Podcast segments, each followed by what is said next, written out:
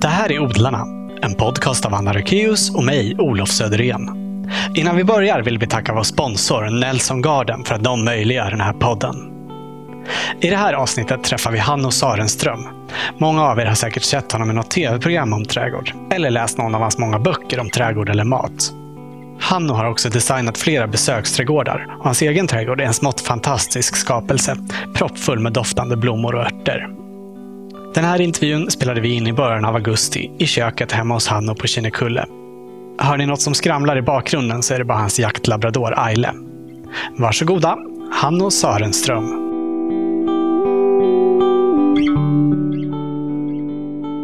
Du har ju berättat i olika intervjuer om hur du hamnade här. Och du har skrivit lite om det i dina böcker och sådär också. Men det finns säkert lyssnare som inte har hört. Skulle Tror du vilja inleda lite med att berätta om hur det gick till? hur det gick till. Alltså slumpen som förde mig hit. Någonstans runt 25 så ville jag förändra mitt liv och jag misslyckades med det. Och då lovade jag mig själv att åtminstone när jag är 30 så ska jag ta tag i det och göra någonting annat än gå till ett jobb fem dagar i veckan. Eh, Jag skulle självklart försörja mig och allt sådär. Och eh, vad jag skulle göra, det visste jag inte. Men jag blev 30 och sa upp mig. Hade lagt undan lite pengar. Tänkte, då sticker jag till Mexiko så hänger jag där tills jag kommer på någonting. Billigt att bo och sådär, så skulle pengarna räcka länge. Och så ville jag veta vad Bullerbyn var. För det har jag ju sett på svartvit tv när jag var lite. Älskade de här barnen som gick på broar och klättrade i träd och hade skrubbsår och alltihopa. Pratade runt lite grann, någon kände någon, jag fick ett telefonnummer hit till Kinnekulle och ringde. Och då svarade hyres, Gunnar, hyresvärden, då, liksom sådär. Ja, så frågade jag om jag hade någonting att hyra ut. Ja, då. Ja, perfekt. Är det ledigt i maj? Ja, det är ledigt i maj. Kan jag hyra det i två veckor i början av maj då? Nej, det kan du inte. Du måste hyra det ett helt år. Jävlar vad dyrt, tänkte jag. Och försökte räkna ut det då. Liksom, för jag tänkte på kostnaden en stuga per, så per vecka, 5 000. Det går ju inte, det är ju löjligt. Men då sa han de mest bevingade orden att det kostar inte mer att hyra det här per år än vad det kostar att hyra grannstugan per vecka. Perfekt, jag tar det. Jag reflekterar ju inte varför naturligtvis. Så kom jag upp till maj. Strålande väder. Om, om det är någon som skriver väderkalendrar så ska man läsa maj 1989. Det var sällsamt varmt.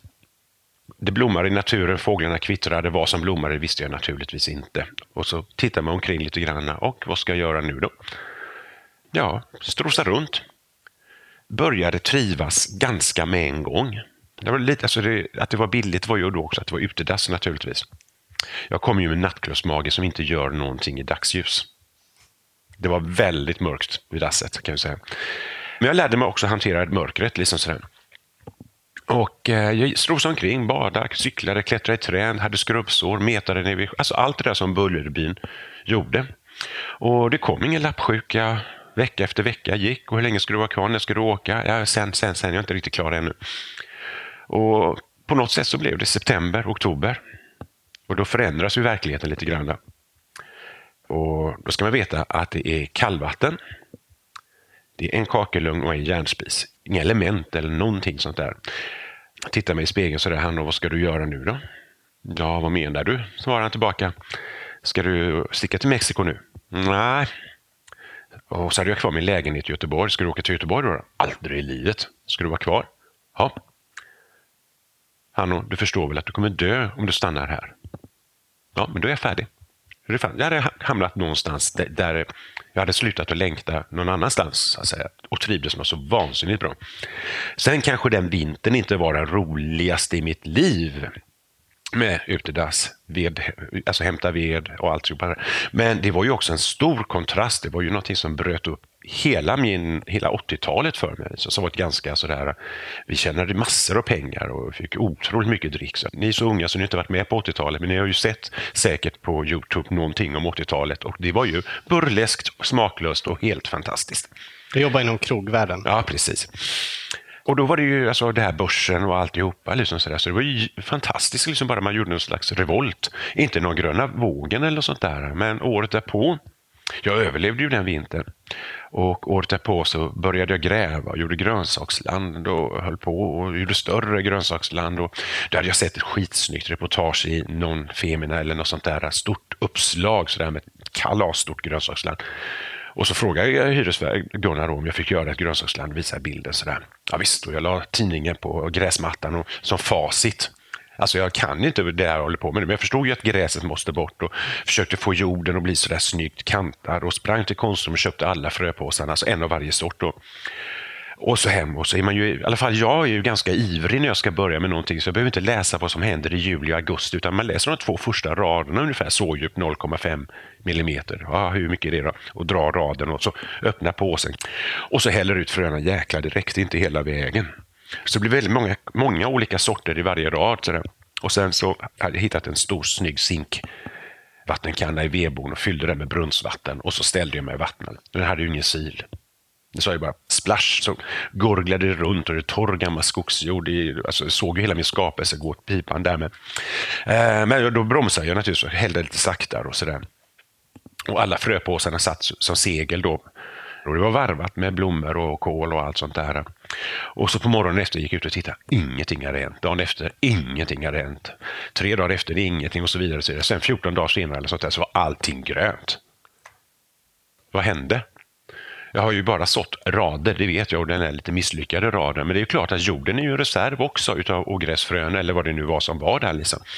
Så allt grodde helt enkelt. Så det var en grön fin yta. Men så kunde jag ju se då strukturer som var mer randiga då, så då förstod jag att ta bort det där andra. Men fröpåsarna blåste ju naturligtvis bort. Alltså den här bilden som man har från alla grönsaksland med ett fint segel. Alltså vuxna kålhuvuden med ny, nyspåsatt fröpåse som inte har bleknat eller någonting jag gick ju på det.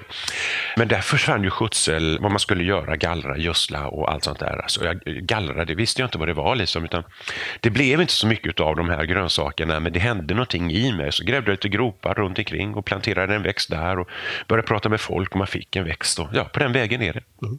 Men ditt odlingsintresse det var så obefintligt innan detta så du inte ens visste vad gallra var? Ja, nej, jag har aldrig... Jag är uppvuxen i Göteborg och eh, när jag flyttade hemifrån flyttade jag in till city. Och visste inte om att det fanns en botanisk trädgård och visste sig att det fanns en trädgårdsförening men jag visste inte vad, det som, vad, vad trädgårdsföreningen var förutom första gräsmattan närmast Avenyn för där spelade vi brännboll ibland. Så mycket ungefär. Det fanns ingen i din omgivning när du växte upp som höll på med odling eller så? Ja, alltså vi hade en kolonistuga ett tag. Uh, men uh, Ja, och där odlade ju naturligtvis mina föräldrar och sånt där. Ja. Jag lekte ju med de andra barnen. Så det var, nej, inget, inget sådant överhuvudtaget. Och jag har inte vistats i trädgårdar på det sättet. Så det, det är liksom ett, en, en, vit fläck på kartan som har blivit grön. Den här kolonistugan, du var aldrig delaktig i? Ja, vi hade väl en stump, sätt. någonting sådär efter, ja. Men eh, det slutade vara roligt när jag blev sex år, så då fick jag sånt där skiffeljärn och så var gångarna mina. Och då, ja, tack och hej. Det rök mitt intresse för att överhuvudtaget vara där. Och ganska snart därefter såldes den också. Så. Hur länge har du bott här i det här huset? Eh, sen 2001. Mm. Det var inte hit du kom direkt? När du Nej, jag kom till ett hus som ligger 500 meter längre ner på grusvägen. Och Det var gamla arbetarbostäder då, till de som har jobbat i stenbrottet. Och Gunnar som bor där, han bor ju fortfarande kvar med utedass och kallvatten. Han är född i huset. Men då var det några år som du hade en trädgård där innan du flyttade hit? Ja, ja jag började, alltså, grönsakslandet började ju där. Och, eh, Växte det år för år sen? Ja, när, ja, det blev ett väldigt stort grönsaksland. Men sen så började jag intressera mig för andra växter och perenner och vad som händer när man får in färg i sin miljö och om det är höga eller låga växter i närheten så påverkar det vad man ser. Och sen gjorde jag en slags trädgård där. Och på den tiden, alltså trädgårdslitteraturen var ju inte så munter i början av 90-talet. Slår man upp försättsbladet så står det ungefär så här do this, do that, forbidden, forbidden, forbidden, it will die anyway. Alltså så jävla kul att börja göra trädgård på det. Och så är det bilder på trädgårdar som är 30 år eller äldre när man vill att allt ska blomma imorgon, man har bara barjord. Så... Det var inte så hett med trädgård då heller på 80 och 90-talet? Nej, nej alltså alla mina vänner bara, va? Så är det verkligen. Men någonstans 94, 95, kanske 96, alltså Alton trädgård exempelvis som är en månadstidning, eller ja, månadstidning måste det vara. Det fanns ju inte, det kom 93. Och det fanns ju inga trädgårdstidningar överhuvudtaget i handeln och trädgårdsböcker var ju som det var då. Men eh, så hände det någonting i samhället någonstans 94, 95. Och då var det väldigt många jag tror i hela västvärlden, som råkade illa ut på jobbet i samma veva att vi började datorisera och eh, vi fick mobiltelefoner. Alltså, alltså vi fick en helt annat sätt att röra oss och vara i samhället och väldigt många råkade illa ut på sina jobb. Fick plötsligt väldigt mycket mer, eller det man gjorde, gjorde man så jäkla snabbt som man gjorde det som en veckas jobb på en förmiddag. Och man kanske inte riktigt hann med utvecklingen och det var väldigt sådana hårda tider också. Folk fick inte vara sjukskrivna. Kvinnor råkade särskilt illa ut inom sjukvården och sådär. Och då var det väldigt, väldigt många som tog till sig trädgården för att göra någonting som människor alltid, alltid har gjort. När du kom hit till det här huset då, hur såg det ut då? Det var mest gräsmatta, granskog bortom uthusen. Och nej, det var det var det, det var. Det fanns inget att förvalta? Nej, alltså jo, äppelträden. Absolut. Och körsbärsträden som fanns då. Liksom. Men det finns ju på alla tomter här omkring. Så började jag bygga upp en trädgård och sådär. Mm. Har den förändrats hela tiden eller har du hållit det till någon sorts plan? Planen är ju fortfarande att det ska vara stora öppna, yt, alltså öppna rum. Så att säga. Jag vill inte när jag sitter i trädgården så vill jag kunna se långt och jag är inte så intresserad av den enskilda växten utan jag vill mer det de gör tillsammans. Men sen har ju naturligtvis innehållet i de här rabatterna och formen på dem ändrats tills jag hittade det som det ser ut idag då, som jag tycker passar perfekt. Men när jag flyttade hit så var ju fortfarande ganska Alltså då är man ju fylld av sentimentalitet i sin trädgård liksom, och då skulle jag flytta med mig ganska mycket växter från min gamla trädgård. Och vilka var favoritväxterna? Ja, det var ju rosorna, det var ju det och det var ju det och det var Och som det alltid är, ja, som vi oftast är som människor, vi sätter det finaste mitt på bordet. Där vi ser, liksom, och samma sak i trädgården, så rosorna hamnade ju i den inre trädgården, liksom i de stora rabatterna. Man såg ingenstans, för alla rosorna var i vägen. Så då började projektet att hitta det här trädgårdsrummet och att jobba med växterna som då jobbar med varandra istället för att jag skulle gå och titta på en enskild växt. Och då har jag mejslat fram det systemet som jag har idag. Då. Genom åren givetvis. Men nu har jag inte rört någonting på 6-7 år, så nu i år är det dags att förändra helt och hållet. Du skriver i Trädgårdsvisioner att eh, sammanhangslösa kärleksupplevelser utan tankar på form, färgbalans och uthållighet präglade trädgården i början. Oj, jag borde ha läst det här. Hur har det förändrats? alltså, Alltså det, det är ju så, liksom när jag skriver om trädgård så måste jag ju veta vad jag skriver om. Så alla rabatter som jag, eller växtförslag och sådär, de har jag ju på något sätt gjort i verkligheten. Antingen i full skala eller bara i en kombination och sett att de funkar tidsmässigt och sånt där. Och jag måste ju Alltså det går ju naturligtvis att läsa i vilket växtlexikon som helst. Men växter beter ju sig lite som de vill ibland och det är inte alltid det funkar. Liksom. Så jag tycker att det är viktigt att jag prövar mig fram hela tiden. Så att hon eller han som då läser, om de blir inspirerade, kan lita på det. Det är ju samma som man skriver recept. Alltså man lagar ju det ändå. Och jag är ute efter jag ska inte säga underhållsfria trädgårdar, för det finns inte. Men jag, ju, jag, behöver en trädgård som inte ramlar ihop om jag inte är i den på två år. Naturligtvis kommer det växa ogräs i gångar och sånt, men rabatterna kommer fortfarande klara sig. Och sen har jag ett väldigt socialt patos också, eller så jag försöker skapa mycket trädgård av växter som är lättförökade. Så att står man längst ner på samhällsstegen och tjänar allra, allra minst, men ändå har en trädgård eller en bit jord, så ska, ska man också kunna ha, om man vill ha massor av växter, ska man kunna ha det. Så allt det här är ju nästan självförökat. Liksom. Och eh, ja, vet inte, jag har tappat bort mig. jo, det var just hur ditt sätt att se på det här med odling har förändrats. Jag tolkar det som att du i början bara körde på och tog det du kände för utan att riktigt se framåt hur det skulle bli och hur helheten skulle bli. Mm. Ja, men så var det ju faktiskt förut och det är ju den som jag har jobbat med ganska många år nu och eh, i och med att jag gör mycket utställningar och sånt där också så har jag ju en ganska vad ska jag säga, bred erfarenhet av planteringar och sånt där som då fungerar och det är klart att man måste ha en fungerande trädgård så att den inte är sammanhangslös på något sätt. Mm. Men du gör ju en del eh, utställningsträdgårdar åt andra. Mm. Vad är det viktigaste att tänka på när man planerar en trädgård? Det beror på. Alltså en utställningsträdgård är ju någonting som folk ska komma till. Så det är ju samma sak som, det vill man ju att böcker, en artikel eller vad som helst, att den som tar, plöjer sig igenom eller tar sig an det här ska få ut någonting utav det. Sen är ju platsen väldigt viktig. Eller för mig är det alltid viktigt i alla fall att jag jobbar med platsen och inte mot den. Och eh, Sen är det naturligtvis då schyssta kombinationer, helt enkelt. Och att den håller i två, tre år och sen är det dags att börja dela växter och sådär. Men om man kommer till en trädgård där det är kanske en gräsmatta, mm. en rhododendron och någon tuja. Mm. Hemma hos någon? Ja, man har ett blankt kort att börja med. Har du ja. några allmänna riktlinjer allmänna som man ska tänka på? Sådär? Man ska tänka på att alla får plats. Man ska aldrig, om man nu är i en familj, det oftast är det ju så, och man får ju inte låta sitt trädgårdsintresse gå ut över familjen, vilket inte är dugg ovanligt. Att man tar hela området i besiktning. Och de som inte vill jobba med trädgården ska slippa, självklart. Sen kan alla hjälpa till ändå, för jag hjälper ju till att städa även inomhus, även om vi inte gillar det. Så det kan finnas något kollektiv i det. Sen börjar då liksom, var, var ska man äta någonstans? Var är kvällssolen? Vad ska det vara för gångar? Hur ser huset ut? Huset tycker jag är absolut viktigast, att man jobbar med sitt hus. Och gärna lägga uteplatser och sittplatser en bit från huset. De flesta köper ett hus som man gillar och då vill man gärna se det och inte sitta precis intill det som det alltid är precis utanför trappan till höger eller vänster. Och sen då liksom att, hur det känns att komma in i trädgården. Liksom att man sätter stämningen i entrén. Eh, och jag jobbar uteslutande med stora rabatter för att det är enklast. Det är lätt att skapa ett sammanhang och det är väldigt lätt att fylla dem så att man slipper hålla på och rensa ogräs och sådär. Och man får lång blomning därför man kan ha växter från tidig vår till sen höst. Och att inte såga ner alla träden. Det är det största misstaget man många gör. Mm. Bra tips. Mm.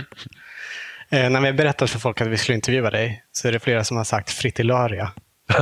Det verkar vara förknippad med, med den fritillaria. Ja, jo, jo, lite grann. Det är en lökväxt som är absolut en favoritväxt. Den finns i en gäng olika varianter.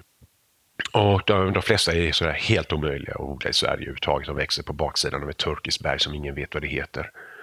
Och så finns det ju ett gäng ja, kejsarkronor, kungsängsliljor och sånt där. Och dels är det ett sånt ljuvligt ord, fritillaria, liksom. det är ju lite som en vissling eller något slag.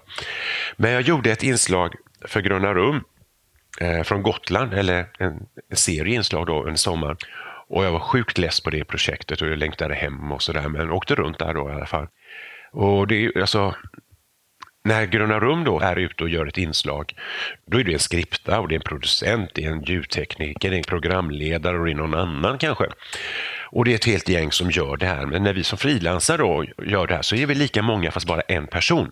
Så då ska man göra allt själv. Liksom sådär. Så det är mycket meck, släpa fram stora mikrofoner som man ska ha utanför bilden. 30 meter kabel som man lindar runt halsen som man drar i och sen får man stanna upp och linda upp den igen och så vidare. Så det krävs mycket för att man ska ta fram allt det här. Man gör det inte bara för en liten blommas skull.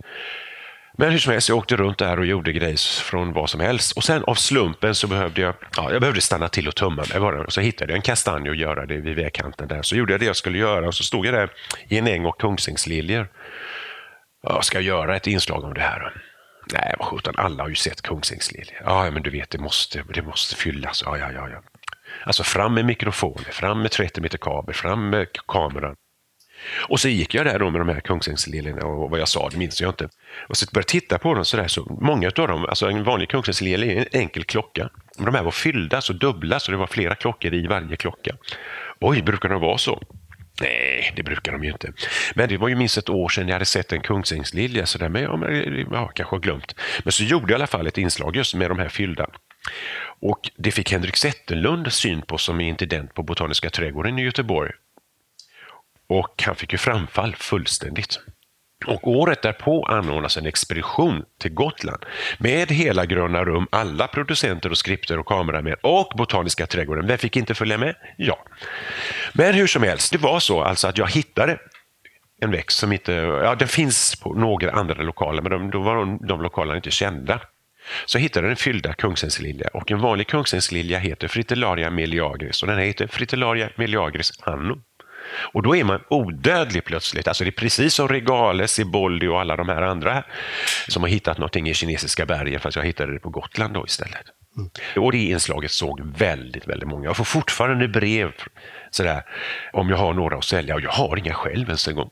Du har inte det? Nej. Så jag får hänvisa till Botaniska trädgården i Göteborg. Ja, där finns den. Ja, i deras ja. samling. Jag tror inte de säljer utav dem. Sådär. Nej, men ditt namn står på skyltar någonstans. Nej, det tror jag att de har glömt för länge sedan. Eh, men du är ju känd för blommor och trädgårdsformgivning. Mm. Men det förknippas med matlagning också. Ja, jag kan inget annat än mat och trädgård. Där, men där... odlar du ätbara grejer också? Jag gjorde det förut.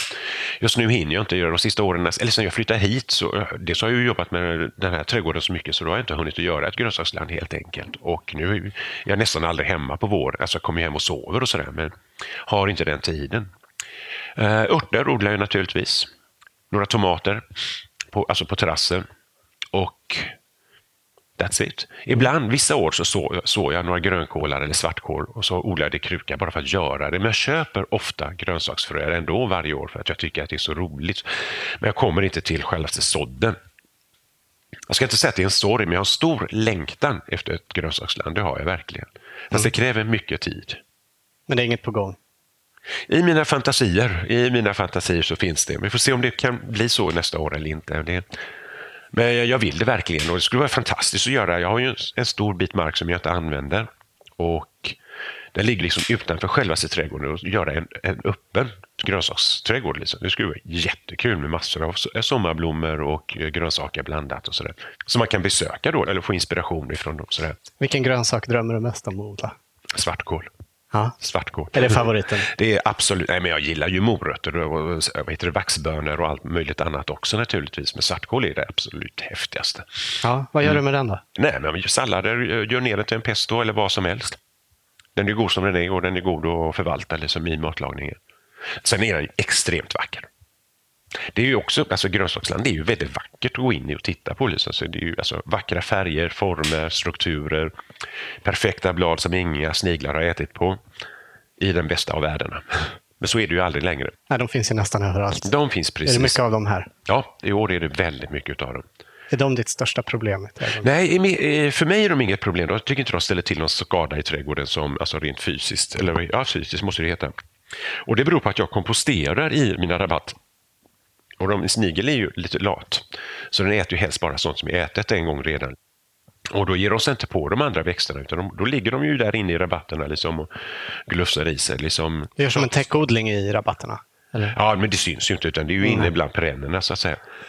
Och i trädgårdens egna överskott, alltså jag flyttar ju ingenting. Utan när jag klipper ner en rabatt så får det ligga i rabatten så att säga, multna ner där. Så du hela... släpper det där, ja. där det är? Då har de ju det att mumsa på så att säga. Men det är klart, det är inte kul att ha dem i gångarna och sådär när det blir för mycket som det är år. Men då får man göra ett klipp lite då och då. Men jag räknar dem aldrig, man ska inte räkna depressioner. Vilket är ditt värsta problem i trädgården? Att jag inte har tid nog. Mm. Det är det enda. Absolut. Och sen att det är ett kalkberg bara för att jag gillar magnolier. Men då, då jobbar jag med sådana växter som gillar kalk istället. Du har inga skadegörare som du tycker är riktigt jobbiga? Nej, inga som helst. Nej, vad skönt. Nej, ibland kommer det in en hjort, men det är sällan. Så Odlar du helt ekologiskt? 100 procent ekologiskt. Eh, alltså, trädgård, inte, trädgård kan inte vara ekologiskt fullt ut eftersom det ännu inte finns ekologiska perenner, eh, buskar och träd och sånt där. Eh, och... Det är väl tråkigt att det inte går att köpa växter som är ekologiska, ja. när de flesta ändå vill ha det ekologiskt i trädgården. Ja, precis. Jo, det, det, är trist, det är det verkligen. Jag vet inte om det är om det är möjligt, det måste det vara, eftersom det är möjligt att odla ekologiska grönsaker så måste man kunna odla ekologiska växter också. Och sen har vi ju andrahandsmarknaden, vad ska man säga, det finns ingen återvinning för allt alltså mycket plast, mycket dåliga material. Man tycker nästan att det skulle vara pant på krukor så skulle man diska ur dem och eh, använda dem igen. Men det finns vissa grossister som vill ha tillbaka krukorna. Men det är bara vissa. Eh, men det tycker jag ändå är ganska beundransvärt. Och så står de och skurar ur dem och använder dem igen. Borde ta vara på växter som folk skrotar i trädgården också? Alltså, så fort man gör en större förändring i sin trädgård så hojtar man ju till. Äh, här finns det växter, kom och hämta. Mm. På så sätt är det mycket som tas tillvara. Ja, precis. Och det kan du ju liksom på nätet, alla de här sociala medierna sånt där som finns. Så skriver folk liksom sådär, jag har 30 stycken över, är det någon som vill ha? Så åker man dit och hämtar eller skickar, vad man nu gör. Mm. Så där finns det ju väldigt stor återanvändning av växter faktiskt. Mm. Det är bra. Mm.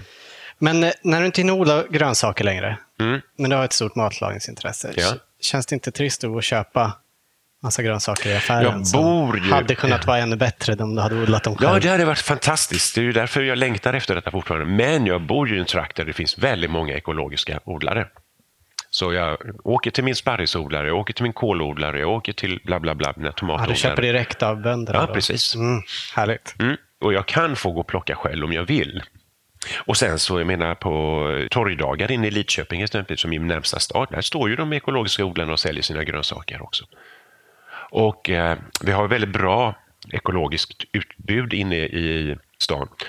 Och eh, den ena utav de här kedjorna då är väldigt duktiga på att suga upp det som finns runt omkring. Alltså gynna de lokala odlarna helt enkelt. Och de säljer deras produ ekologiska produkter till samma pris som det konventionella. Det är bra. Mm. Och då kan man stå i butiken. Så kan det vara tio lådor ekologiska tomater, tio lådor inte ekologiska tomater. Står exakt samma prislapp och så står folk och plockar det icke-ekologiska. Det är säkert vissa som bara tar för givet att det ekologiska ska vara dyrare och därför tar det andra. Mm. Så har det ju varit förut. Det var ju väldigt dyrt när det började och det är det ju inte längre. Liksom. Men eh, ja, vad ska man säga? Många köper det. Vi Mm. vill ju att de ska vara kvar. Alltså, Ja. De påverkar ju bygden, lands, alltså den bilden vi ser varje dag. Så visst vill jag att våra ekologiska odlare självklart ska vara kvar. Tar du vara på saker från naturen också? Eh, I viss mån. Eh, nässlor, kirskål givetvis. Jag bor i ett ramslöksbälte, så det, det är definitivt. Ja, ramslök har ju du pratat om långt innan det blev på modet. Ja, precis. Ja, men det är ju för att jag bor mitt i den. Eh, och den börjar man skörda i början av april. Till, fram till midsommar, sen så börjar den bli lite väl tråkig. Man behöver tio blad ungefär per person. Så går man bara ut på eftermiddagen och så plockar tio blad och så gör man någonting, soppa eller eh, mixar ner den i någon grönsak eller något annat. Varje, varje, varje dag. Och eh, lika sånt alltså som med nässlor, skott och kirskål också och bara blandar upp det. Eh, granskott ibland. Vad finns det mer? Mm. Svamp givetvis. Men eh, alltså ramslök äter jag då varje dag exempelvis, eller sparris och sånt när det är under säsong. Men jag konserv- eller lägger inte in det i frysen för att ha det på vintern utan när säsongen är över så är jag trött på det. Nu vill jag inte ha det på ett halvår eller sånt där. Och precis så är det med ramslöken och sånt där. Och svamp också. Jag lägger inte in svamp. Så där, utan jag åker iväg och plockar så det räcker till en macka och sen får de andra ta resten. Och vad, vad det nu än råkar vara. Så På sätt och vis blir det ju roligare när saker får vara i säsong och man får lite Ja, variation precis. över Ja. året. Jag käkar inte jordgubbar på vintern heller. Liksom, så.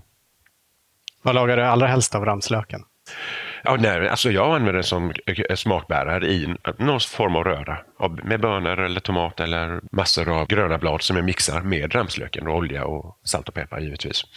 Men som en lök helt enkelt. Och det är bladen man äter, man äter inte självaste löken. Fast det går ju att äta den också, men känns ju onödigt att gräva efter dem. Du skrev på bloggen att du har varit på Kosteröarna och lärt dig ta vara på växter från havet. Så jäkla häftigt. Ja. anmälde mig direkt. Sådär, liksom. alltså, fatta vad fräckt. Alltså. Tång. Vad, vad kan ni om tång? Alltså, man försöker undvika det. Och nu ska vi laga, äta och skörda. Eh, och det, jag, alltså, jag, jag ska inte säga att jag är en badkruka, men jag gillar inte bada när det är kallt. Och Jag stod där och det värkte i benen och, och jag var så exalterad över det här. Alltså, det, det, det tog över och bara simmade iväg där och man snorklade och plockade och visade oss vilka sorter man skulle plocka. Och, Finns det någon som är lätt att känna igen som man kan prova själv? Alltså det är lätt, alltså nu pratar vi västkusten då. Och blåstång är den som växer alldeles i strandkanten. Man ska ha mycket öppet vatten, det ska inte vara liksom inne i någon gurglig vik eller sådär, utan mycket öppet vatten. Där kan man ju skörda bara precis där. Och så tar man de skotten som inte har blåser, stora flytblåsor på sig. Liksom, och så bara strö ner i en sallad eller vad som helst. Lagar dem överhuvudtaget. Sen har vi sockertång som ser ut som, vad ska man säga, boor som man har runt halsen, alltså sådär, lite vågiga. Så har vi fingertång som ser ut som ja, en slags hand. Jättesnygg, stort och sådär. Och så finns det ett gäng andra. Kolasnören som bara är ett snöre som växer rätt upp. Vansinnigt gott. Och så höll vi på med detta då liksom, och så lagade vi mat på eftermiddagen och så alla åt av det här. Och det kanske var lite för mycket tång möjligtvis men det var ändå kul liksom, att testa. Och nu bor jag inte så nära, det tar ju ändå ett par timmar att komma till kusten och ut där. Så. Men bara någon dag senare så var jag tillbaka där för jag skulle ha en sån där mathelg. Tyckte jag så här, nu är tång det nya svarta. Så. Det, det blev inte så populärt. Men jag hade också missat, eh, jag var lite dagvill så hade jag åkt en dag för tidigt. Så de låg ju här i vasken liksom ett dygn för länge helt enkelt. Och då, smakerna förändrades faktiskt, utan det är färskvara på något sätt. Men det är kul. Vet du om det finns någon eh, växt nere i vattnet som är giftig, som man verkligen ska passa sig för? Det har jag ingen aning om, men det tror jag inte att det finns. Nej. Alltså googla upp tång och det finns ju, alltså de har ju sina, det finns ju recept och allt möjligt och bilder på all tång som finns. Alltså, det är kul. Och det, alltså ska man hänga vid havet på klipporna en hel dag så komma hem med middagen är ju fantastiskt. Ja, det är lite annorlunda också. Ja. Jag menar, förr fångade man ju musslor och sånt.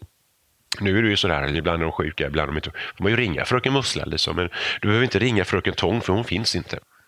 Äter man det mesta rått? Eller Man hur? kan göra både och. Mm. Vi har friterat och kokat och stekt och ätit råa. Och alltså, de är fulla av mineraler och vi- bra vitaminer så det är en väldigt bra näringstillskott. Härligt. Mm. Tillbaks till trädgården. Är det bara kul eller känns det stressigt och motigt ibland? En trädgård får aldrig bli stressande. Det får den inte bli. För då, alltså, om jag ska ha öppen trädgård så kan jag ju tycka, vad, sjutton, det hade varit kul om jag hade hunnit lite längre. Mm. Men då får Har du det ofta? Ja, i alla fall en gång i månaden ungefär under säsong.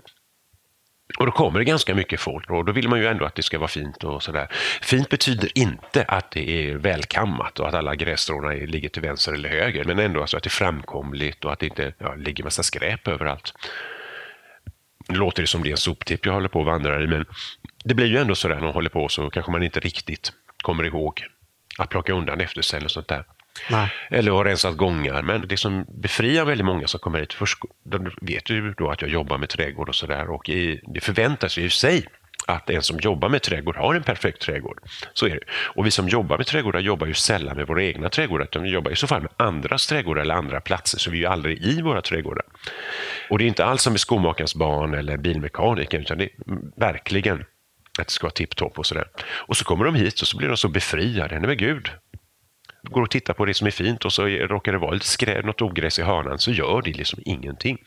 Ja, Det blir rätt tydligt när man kommer hit att det kan vara fint ändå. Ja, precis. ja men liksom, nu har jag ju mycket trä, alltså det är mycket atmosfär och sådär Ja. att gå i liksom, och mycket att titta på i, i alla fall. Men visst, jag hatar att klippa gräs och det klipper jag så sällan som, eller hatar, men det, det är verkligen det där, det är verkligen det som man ska satsa på att slippa i sitt trädgårdsliv.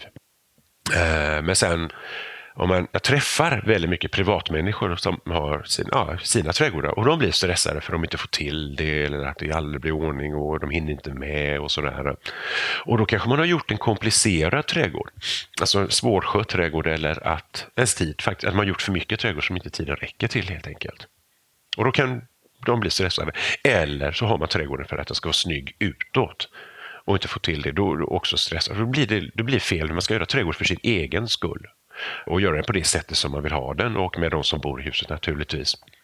Och då slipper man stressen. Och det fin- alltså det, med trädgård är det precis som med diskbänken. Står det disk där på söndag morgon så gjorde man roligare på lördagskvällen att diska. Och exakt likadant är det utomhus. Men om man känner att man har en trädgård och inte har riktigt tillräckligt med tid att sköta den eller göra det som man skulle vilja. Har du några tips för hur man ska göra det lätt? Alltså stora rabatter har ju jag för att det är lätt att sköta dem. Det är lätt att fylla upp ytan och plantera tätt. Välja växter som, ja, som förökar sig snabbt. Så om man ser till att perennarna täcker jorden ordentligt så slipper man det här med ogräset. Ja, precis. Det blir snyggt också. Det blir snyggt och sådär, men första året får man ju, då är ju fortfarande jord naturligtvis. Men sen så småningom när de växer samman då, liksom sådär, man måste ge dem det utrymmet att växten kan utveckla sig. Så man kan inte sätta kruka jämte kruka jämte kruka jämte kruka, för då, då är det väldigt många som dör på vägen. Ja. Och så blir det väldigt dyrt också. Det blir väldigt dyrt. Eh, Men eh, då finns det inte ett möjlighet för ogräset att etablera sig. Och det enstaka ogräset som lyckas, det tar fem sekunder att rycka bort. Mina rabatter är runt 100 kvadratmeter styck, tror jag. Och jag spenderar kanske totalt sex timmar per säsong i dem. Och då pratar vi om att klippa ner det på hösten eller på vårvintern beroende på. Det tar två timmar. Jag tar inte bort någonting, allting får förmultna där. Då är det lite stökigt på våren när krokusarna kommer, för då har inte hunnit att multna bort ännu. Men då tar jag hellre det och jag kan tycka om att våren kommer upp ur fjolåret så att säga. Och varför jag inte tar bort det, det är bara för att det är för stora volymer, bygga komposter och sånt där. En kompost är som en gräsmatta, den kräver sin skötsel. Så jag komposterar ju direkt i rabatterna för att slippa det. Då.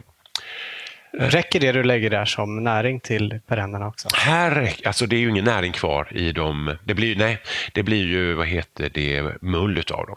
Mm. Men lägger du på något mer gödsel på eller räcker Ja. det med det som... Det räcker för, här, i min jord för den är så full av mineraler. Men visst, jag köper också ibland hönsgödsel och ökar på. Och behöver jag en bättre mullhalt så skaffar jag kogödsel eller någon form av stallgödsel då.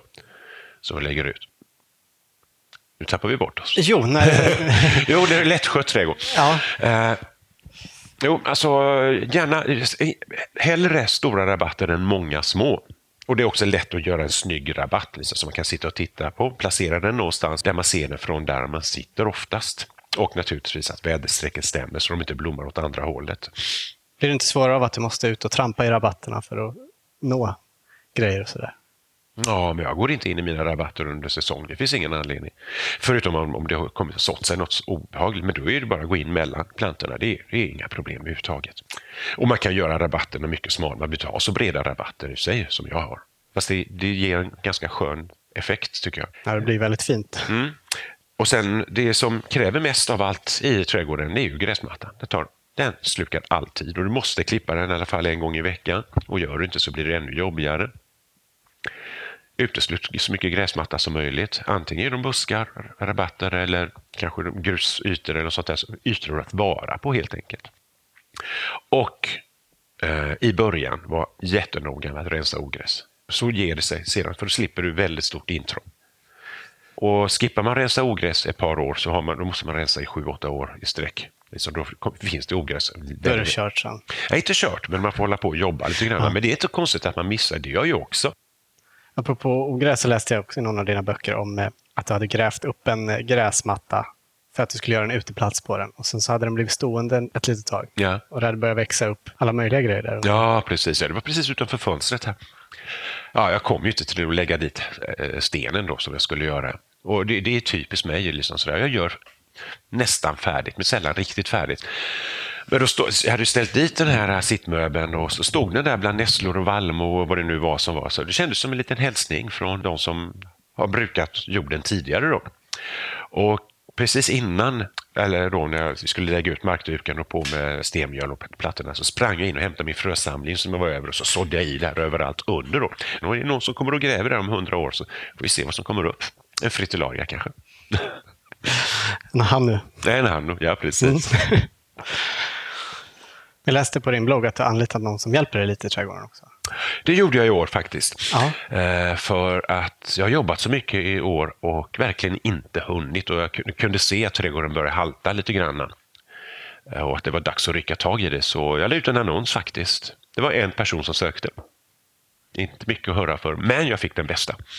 Hur känns det att lämna trädgården i händerna på någon annan? Då? Ja, alltså lämna och lämna. Eh, alltså, det är en utbildad människa jag går inte och pekar, hon ska, hon ska ju kunna se vad som måste göras. Och det är ju inte så att trädgården står och rasar, men hon tar tag i bra saker. Och sen får jag ju se till att hitta på lite stimulerande grejer. Alltså så det inte bara rensa ogräs, utan att vi gör någon plantering eller något sånt där. Då, så att hon får roligt och någon utmaning. Och, så nu håller vi på att bryta upp två stora rabatter som vi stöper om den här säsongen. Och då tycker hon att det är jättekul. Mm. Och det var inte det minsta konstigt att ha någon som jobbar i trädgården jag hade annat att göra som jag var tvungen att bli klar med. Så helt enkelt. Men nu, har jag, nu kommer jag kommer att bli överraskad på måndag för nu kommer jag också vara i trädgården. nu har jag lite ledigt här precis. Ja. Mm. Är det någon mer än du som har varit engagerad i trädgården innan du anlitade henne? Inte mer än tillfället. Alltså, I våras så kom eh, Dacapo, som är en trädgårdsutbildning i Mariestad. Det kom sju personer och gav mig en hel dag i trädgården, sådär, vårstäda. Det var ju skitschysst. Ja. I sig fick jag laga lunch åt dem, så det tog ju också en hel dag, men ändå. Sen är det hyrd hjälp naturligtvis för att gräva, sånt som inte går att göra för hand, alltså man måste ha in en maskin och sånt där. Men i övrigt så är det nog bara jag och spaden som går omkring här. Mm. I dina böcker så har du beskrivit det lite som en partyprisse som var uppvuxen i storstaden och bara hängt på nattklubbar och så. Ja. Saknar du inte staden alls? Det finns ingenting i staden som jag saknar förutom utbudet av eh, råvaran. Så är det faktiskt. Och eh, ja, när jag kom hit, alltså som jag sa förut också, lappsjukan, det kom ju aldrig. Och jag hade aldrig tittat åt ett sånt här. Jag har ju bara tittat i större städer, mörkare nattklubbar, större bashögtalare. Som väl alla gör. Alltså, menar, så såg det ut när jag var ung i alla fall i stan. Och jag har alltid längtat alltså, till en annan stad, bort från Göteborg, bort från New York, till Paris, eller någonting sådär. Liksom. Eh, och från och med att jag kom hit så har jag aldrig överhuvudtaget haft tråkigt en enda dag. När man bor så här på landet så är det ju faktiskt så att det, det är ingen som kommer och gör någonting åt den, utan man får se till att fixa sin vardag själv. Det liksom går in i ett lugn, man håller, håller sig fullt sysselsatt och vill man inte göra någonting så kan man sitta still en hel dag och bara titta. Sitta still en hel dag och bara titta i stan, det, är helt det går inte. Det var ju hela tiden puls på något sätt. Så nej, det här passar mig väldigt bra och ingen som helst längtan tillbaka. Jag skulle ibland kunna vilja bo i Stockholm eller, eller någon annan större stad, men jag vet inte vad jag skulle göra där. Alltså det skulle, det skulle jag bo, måste jag bo på jorden. Alltså ha tillgång till trädgård då, eller någon jättelik takterrass eller vad det nu skulle kunna vara. och kunna sitta och hänga och dricka frukostkaffe på trappan. Allt det där viktiga. Liksom. Och det tror jag inte ett balkong räcker till för mina behov. så att säga. Men då måste det vara av någon anledning att jag är där och då, måste det vara, man har fått ett omotståndligt arbets, ett jobb som man inte kunnat tacka nej till och sånt där och så drev man, åh vad kul, chef för Nationalmuseum eller något sånt där. Nej, men vad det nu kunde vara liksom. Så nej, jag kommer nog att förbli på landet. Mm. Men sen du kom hit, då, du har inte skaffat dig liksom någon utbildning inom trädgård eller så? Nej, jag är ju självgrävd. Alltså verkligen. I min gamla trädgård samlade jag på växter. Alltså det var en av varje. Så jag lärde mig väldigt många ja, namn och hur de betedde sig, vilka som garanterat dog. Sen när jag började styra i den här trädgården så har jag jobbat med ett sammanhang istället. Liksom att få kompositioner och få rabatter att fungera, eh, få till en schysst form och sådär. Du är ingen samlare längre? Nej, inte alls. Det är, jag förfaller sällan för en växt. Alltså, jag alltså kan tycka att växterna är snygga, sådär, oh, vad fin den är, men vad ska jag göra av den? Det är svårt att komma med en växt och stoppa in den någonstans här, för det behövs tio av allting minst. Men det är för att jag jobbar på det sättet. Men eh, du har ju skrivit en bok ihop med Sanna Töringe om det syditalienska köket också. Mm. Eh, och vi har hört att du drömmer lite om en olivlund i Apulien. Det gör jag. Jag tycker så vansinnigt mycket om den trakten där nere. Och jag hade inte varit där tidigare, så jag lärde känna den genom Sanna. De har ju hus där nere och hon visar ju med allting. Och det, det, alltså, längst ner på klacken där i Salento då, så är det precis som på Kinnekulle. Det är samma kalksten, det är lite olika färg, olika temperatur och sen är det inte oliver då här, men då har vi askar och, och oxlar istället. Och, och går man där nere så, så, så blir, blir man tokkär. Och jag, jag, blir ju också sådär alltid entusiastisk när jag kommer till något nytt som jag gillar. Liksom sådär. Men visst, eh, under åren så har jag då tittat efter, försökt hitta en liten olivlund sådär. Alltså sitta där och rulla tummarna när man blir gammal, det låter ju helt underbart. Så jag började med en vansinnigt vacker terrass högst upp på en kulle som utsikt över havet, fast det var två kilometer till havet givetvis, men ändå. Sen i höstas då fick jag reda på att jag inte eh, fick byggnadslov. Men då hade jag bara fem minuter över. Liksom, jag hade ingen tid den dagen och så dagen efter skulle jag flyga hem. Men då träffade jag i alla fall kommunarkitekten och frågade varför. Det är ju så här, blablabla, sa han då. Men jag har ett annat ställe till dig. Ja, fan. Så åkte vi dit och tittade. Ännu bättre, ännu närmare havet. Än, alltså mycket. Men då hade jag bara fem minuter över, liksom, så då hann vi inte göra någonting. Och sen har jag inte hunnit att ta tag i det faktiskt. Men jag åker ju ner i höst igen, så kanske kommer vidare på det. Och Det skulle vara ett underbart vinterprojekt, ja. helt enkelt. Och det, det är inte så att det, det är stekhett och man solar och badar januari, februari, utan det är kallt och det kan regna och vara helt bedrövligt väder. Men råkar det vara vindstilla och soligt så är det 18 plusgrader. Då kan man hålla på och mejsla och plantera. Jag tror faktiskt att jag vill ha en trädgård. Det är det som jag är ute efter. En medelhavsträdgård. Sådär. Så planen är inte att du ska lämna Kinnekulle? Nej, planen är absolut inte att jag ska Jag skulle kunna tänka mig lämna trädgården. Ja, jag får vara här ett par år till så jag har planterat upp ytorna. För jag liksom kan bli sugen på att göra en annan slags trädgård. Jag tycker ju hela tiden att det är roligare att göra än förvalta. Och ska jag hänga ner i Italien eh, på vintern så kanske det här är ett för stort hus eller något sånt där. Eller så dyker det upp ett hus med en fantastisk möjlighet, liksom så man ja, hakar på det. Men än så länge är jag kvar här. Och sen, min italienska är inte särskilt bra. Men eh, eftersom jag varit där så mycket så har jag ju också genom Sanna och hennes man lärt känna Francesco och alla de här gubbarna som är 78 år, böjda i ryggar och sånt där. De odlar sin vete, sin potatis, sina mandlar. Alltså 100 procent av det som de konsumerar odlar de själva på jättelika åkrar på terrasser mot havet och så går man förbi och hälsar på dem och så får man en cikoria eller så får, ja, vad som råkar vara moget för säsongen. Liksom sådär. Helt fantastiskt. Ja, en dröm att kunna odla i ett sånt klimat där man faktiskt kan hålla på en stor del av året. Kanske... Ja, men i januari så börjar man äta cikoria och då är det nya grönsaker. Och det är inte sån cikoria som vi ser på Gotland då, utan det blir slags som en sparrisliknande fänkål och sånt där som man bryter skotten av. Jättegod. Och då får man de första friska vitaminerna. Liksom. Och sen kommer det bara, fortsätter det. Ja, härligt. Mm. Vi var nere i Apulien i början av sommaren och gjorde en intervju för odlarna med en kvinna som heter Barbro Guacero. Mm. Han såg vingård i, ja, det är några mil utanför Bari. Ja. Det blir säkert ett intressant avsnitt med henne också. Det är lite annorlunda att höra hur det är att odla där nere. Ja, ja, ja. Visst. Um, kan jag bara släppa ut katten? Absolut. Mm. Ja, Är det något mer som du tycker vi borde prata om innan vi slutar? Eh, att trädgården är en fristad. Det är den sista platsen på jorden där man är fri att göra vad man vill utan att det angår någon annan. Och det blir ett ljuvligt läge på att breda ut sin dåliga smak på en stor yta. Liksom. Vilken smak man nu har. Den dåliga smaken är ju naturligtvis bara ett påhitt, men att verkligen eh, kunna skapa en helt egen värld. Och Det tycker jag är en stor del av trädgården. Liksom. Det är så kreativiteten som den frisläpper alltså, hos människor. Och Man tänker sig att hundra människor står med samma växt samma dag. Men så är det hundra olika tankar om vad som kommer hända med den här växten, alltså hur den påverkar trädgården och sådär. Och Det är ju ett enormt brett spektra. Och åker man runt och tittar på trädgårdar så ser man ju verkligen att folk drar iväg åt olika håll och man skapar och skapar och skapar. Och Den kraften tycker jag är helt fantastisk och det, det nöjet som det finns i att göra en trädgård. Mm. Så visst, trädgården är en fristad och en fantastisk möjlighet att ta tillvara på. Mm.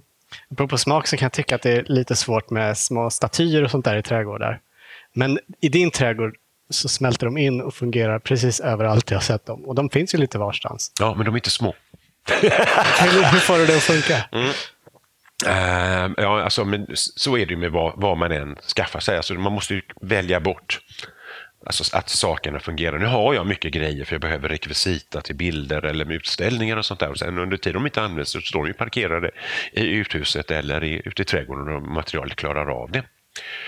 När man får det att funka, ja, man skaffar sig saker som fungerar. Det, det, det, ingenting som ska vara fult i alla fall, eller det blir något konstigt material. Men sen så är det inte så att jag går, åker omkring och letar efter 1700-tals originalobjekt, utan man kan mycket väl köpa nya och efter två år så ser de ut som 1700-tal. Så du behöver inte betala hur mycket som helst. Så att säga. Men välja rätt. Och inte, och det, fin, det finns en massa som jag kan säga, men som jag, ja, då blir folk ledsna, men det är liksom, som jag inte har i min trädgård helt enkelt för att jag tycker det är jätte, jättefult. Men som sagt, smaken också. Och till sist då, om du får ett enda odlingstips som är ditt bästa, vad skulle det vara då? Mitt bästa odlingstips? Ja, aldrig en sommar utan basilika i fönstren. Ja, det är inget tips egentligen, jag tänker efter. Ja, men det kan det väl vara? Ja, det kan det vara. Absolut. Alltså mycket, mycket örter ska man ha. Mer än en rosmarin, många krukor basilika, massor av timjan i backen som man kan plocka och skörda. Mycket smak och doft. Mm, bra tips. Mm. Tack så jättemycket för att du tog dig tid för att vi fick komma hit. Ja, men tack själva.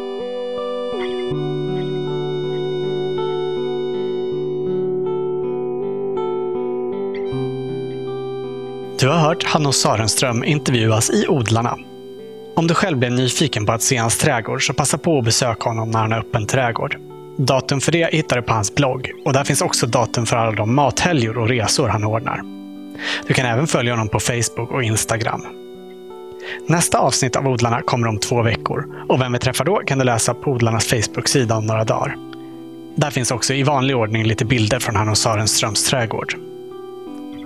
Tack för att du lyssnat och tack igen till vår sponsor Nelson Garden som möjliggör den här podden. Producent för Odlarna är Anna Rukeus. Jag heter Olof Söderén. Vill du följa oss och vår odling kan du göra det på spenatistan.se. Och har du några synpunkter eller önskemål om vem vi ska intervjua så mejla till odlarna.podcast.gmail.com. Ha det fint! Hej då!